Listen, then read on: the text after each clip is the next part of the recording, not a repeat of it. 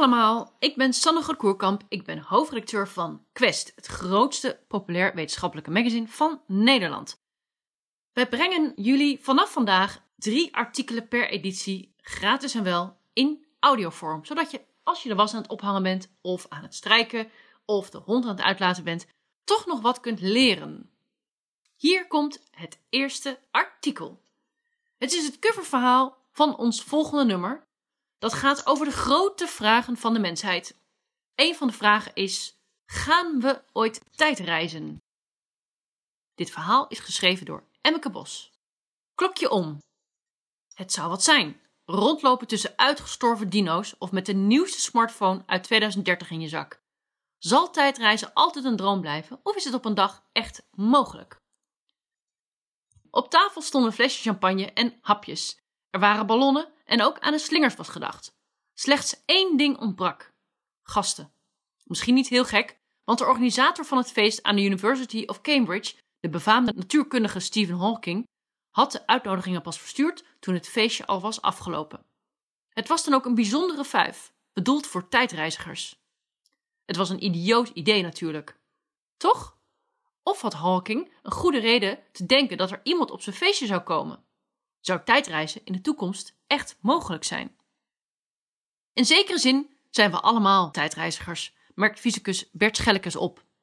Schellekens werkt aan het Amsterdamse NICEF, een natuurkunde-instituut dat zich onder andere bezighoudt met de structuur van ruimte en tijd. Hoe hij bij zijn bewering komt? Ieder mens reist met een seconde per seconde door de tijd. Maar goed, op die snelheid zijn we wel een beetje uitgekeken. Gelukkig is er meer mogelijk. En dat maakt het, in theorie tenminste, heel goed mogelijk om door de tijd te reizen. Althans, als je naar de toekomst wilt. Om dat te snappen, moeten we even terug naar het jaar 1905. Specifiek naar de tweede verdieping van een smal, grijs huis in de Zwitserse hoofdstad Bern. Daar woonde Albert Einstein, de man die de tot dan toe schijnbaar onbuigzame tijdstructuur op zijn kop zette. En die zo de deur openzette voor tijdreizigers. Einstein deed dit aan de hand van gedachte-experimenten. Eén daarvan ging ongeveer zo. Stel, je stapt in de trein, terwijl die met 100 km per uur rijdt. Loop je met 5 km per uur naar voren. Iemand die buiten bij een spoorwegovergang staat, ziet je voorbij razen met 105 km per uur. De snelheid van de trein plus je wandelsnelheid. Tot zover niets aan de hand. Maar stel nu dat je met een zaklamp naar voren schijnt. Hoe snel gaat dat licht dan? Volgens dezelfde logica als hiervoor zou je zeggen met de snelheid van het licht plus de 100 km per uur van de trein. Alleen, dat kan niet. Niet omdat de kosmische politie je dan een snelheidsboete geeft, maar omdat de wetten van de natuurkunde dit onmogelijk maken. Het licht kan niet sneller gaan dan de lichtsnelheid. Ook niet als de lichtbron zelf met hoge snelheid door het heelal zuist. Hoe is dat te rijmen met de situatie met de trein en het lampje? En wat heeft het te maken met tijdreizen? Einstein was niet de eerste die zich het hoofd brak over dit treinprobleem. Hij was wel de eerste die het raadsel wist op te lossen door te wrikken aan iets waar niemand aan durfde te komen: de tijd. Einstein stelde dat niet de tijd, maar lichtsnelheid universeel is. Willen beide waarnemers, de persoon in de trein en de persoon erbuiten, het licht met de lichtsnelheid zien bewegen, dan moet de tijd langzamer gaan voor de treinreiziger dan voor degene bij de spoorwegovergang. Om nog beter te begrijpen hoe dit in elkaar steekt, kan een tweede gedachte-experiment van Einstein wellicht helpen. Zie bijvoorbeeld dit filmpje op tinyurl.com/relativiteit. Dat de tijd langzamer gaat als je je sneller beweegt, druist tegen elke intuïtie in. Maar het is keiharde wetenschap. Het is niet controversieel, zegt Schellekens. Als je naar je werk gaat en je komt weer thuis, dan loopt je eigen klok achter ten opzichte van iemand die al die tijd thuis is gebleven. Alleen is dat verschil verschrikkelijk klein. En dus valt het je normaal gesproken niet op. Maar dat betekent niet dat het niet te meten is. In 1971 stuurden twee wetenschappers uit de VS vier atoomklokken mee in vliegtuigen die een rondje om de wereld vlogen. De vliegtuigen die naar het oosten vlogen, dus mee met de draaiing van de aarde, behaalden de hoogste absolute snelheden.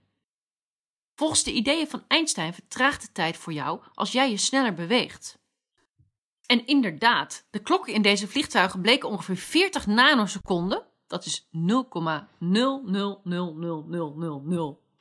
seconden, achter te lopen op de klokken op aarde. Klokken in de vliegtuigen die tegen de aarde draairichting invlogen, liepen 275 nanoseconden voor. Die paar sukkelige nanoseconden die je met een vliegtocht kunt winnen, stellen natuurlijk weinig voor. Zeker als je ze afzet tegen de vele uren die je ervoor in een vliegtuig moet spenderen.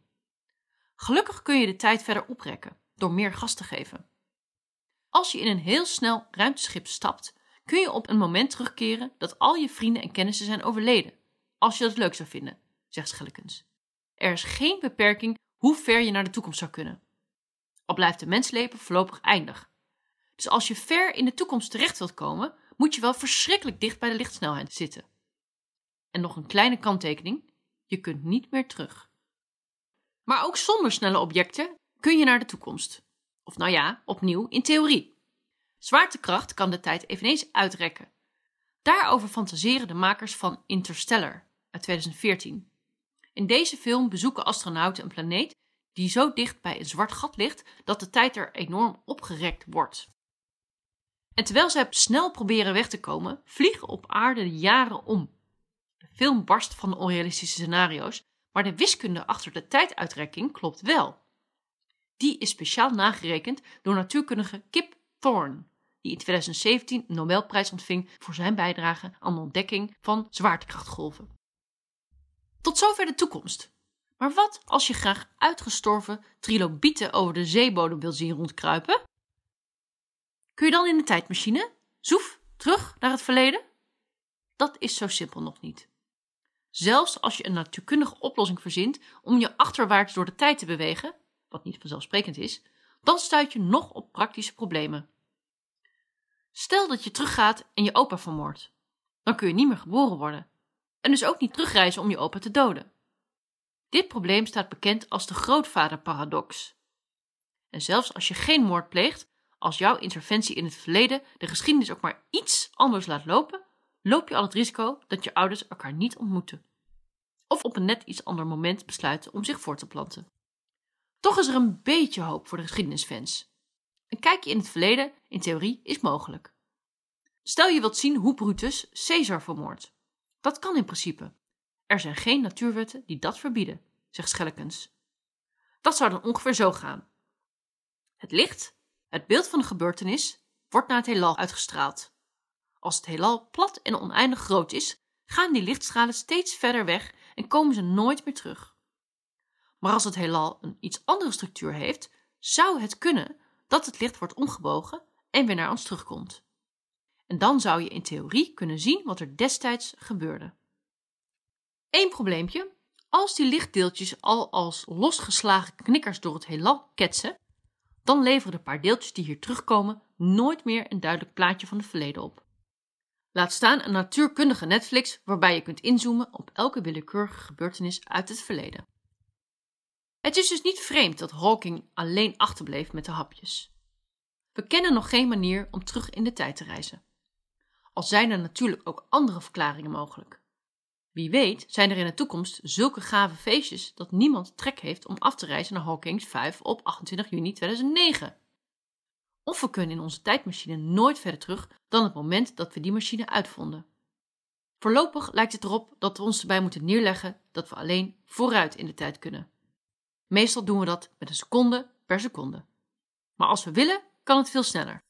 Wie dol is op het verleden, kan het beste maar een abonnement nemen op Quest Historie en zich verre houden van snelle voertuigen. Dit is het einde van het verhaal, maar wie nog niet genoeg heeft van het thema tijdreizen, kan luisteren naar de volgende kleine rubriekjes. In films kan het al. Tijdreizen levert prachtige verhaalplotten op. Een manier om zaken recht te zetten die in het heden scheef staan en zo weer verse problemen te veroorzaken. Volgens de Internet Movie Database is Interstellar uit 2014 de meest gewaardeerde tijdsreisfilm. Wat is nog meer kijkenswaardig? Back to the Future uit 1985. Een scholier reist per ongeluk terug in de tijd. Hier zorgt er bijna voor dat zijn ouders nooit bij elkaar komen. Een klassiek probleem in de tijdreizigersgenre. In The Terminator uit 1984 vechten mens en machine om de macht over elkaar. Dan ontdekt de machine de sleutel tot tijdreizen. Maakt hij tijdreizen of leidt hij aan hallucinaties? In Donnie Darko uit 2001 wordt de gelijknamige hoofdpersoon geplaagd door vreemde visioenen waarin een levensgroot konijn een belangrijke rol speelt. In Groundhog Day uit 1993 lukt het een weerman juist niet om door de tijd te reizen. Hij wordt telkens weer opnieuw op dezelfde dag wakker.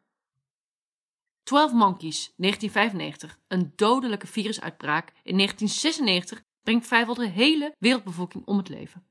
De overlevers schuilen ondergronds en proberen in 2035 iemand terug te sturen in de tijd om meer te leren over het virus. Het plot is gebaseerd op de korte film La Jetée uit 1962, die ook bijzonder hoog scoort in de IMDb-lijst. Diepe dalen, langer leven. Het Britse populairwetenschappelijke blad New Scientist rekende uit hoeveel nanoseconden mensen jonger of ouder worden door bepaalde keuzes. 1. De Russische cosmonaut Sergei Krikalev bracht 803 dagen door in de ruimte. Dat maakte hem 21 milliseconden jonger dan wanneer hij op aarde was gebleven. Oftewel 0,021 seconden. 2. Je voeten zijn dichter bij de aarde dan je hoofd. Hierdoor ervaren ze meer zwaartekracht en gaat de tijd langzamer. Bij iemand van 80 is het leeftijdsverschil tussen zijn hoofd en zijn voeten ongeveer 300 nanoseconden. 3. Inwoners van de lage landen blijven jonger dan bergbewoners om dezelfde reden. Wie 40 jaar rondhangt bij de Dode Zee is 750 nanoseconden jonger dan iemand die de tijd doorbrengt in het Peruaanse mijnstadje La Rinconada op 5100 meter hoogte.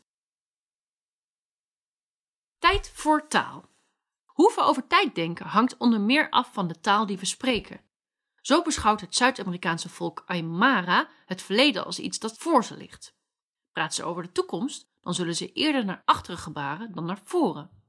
Volgens hun logica is het verleden iets wat je kunt zien, terwijl de toekomst het onbekende achter je is. In het Nederlands en de meeste andere talen draaien we dit juist om. We hebben een zware dag achter de rug, maar zien de toekomst zonnig tegemoet. Chinezen stellen zich tijd ook nog wel eens als iets verticaals voor. Zo kun je in het Mandarijn spreken over omhoog, als iets in het verleden gebeurd is, en omlaag als je het over de toekomst hebt. Verder spreek je in het Nederlands, maar ook in het Zweeds of het Engels, over tijd alsof het een afstand is. We hebben een lange dag gehad of we nemen een korte pauze. Spanjaarden en Grieken beschouwen tijd juist als volume. Ze hebben het over een kleine pauze, een grote bruiloft of een volle dag. Wurm je door de tijd. Kun je tijdreizen door wormgaten? Science fiction schrijvers zijn dol op deze vinding om mensen door de tijd heen en weer te sturen. Om wormgaten te snappen heb je een ander idee van Einstein nodig, de ruimtetijd.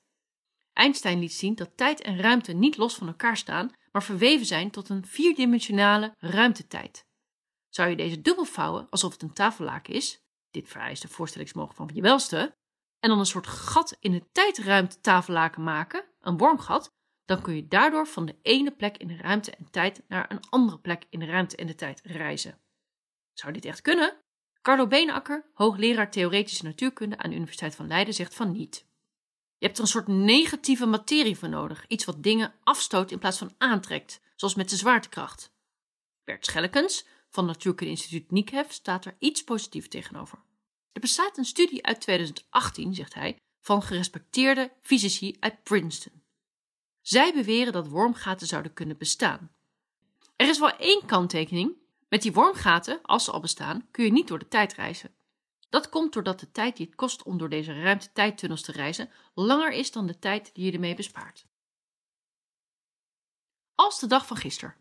Ook zonder tijdreismachine kun je het een en ander doen om de tijd te vertragen of te versnellen. Dat komt door de tijdkronkels in ons brein. 1.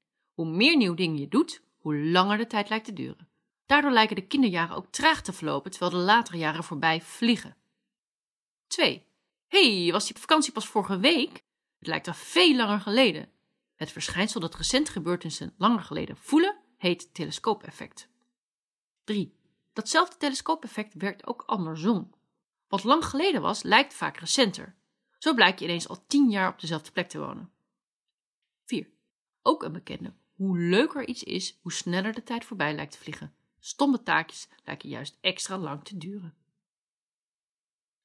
En dan nog een leestip voor wie geen genoeg kan krijgen van dit onderwerp. Het boek Ruimtetijd van Yannick Fritschi, New Scientist 2017. Wie zijn hersens meer wil laten kraken over de ruimtetijd van Einstein, kan met dit boekje uit de voeten.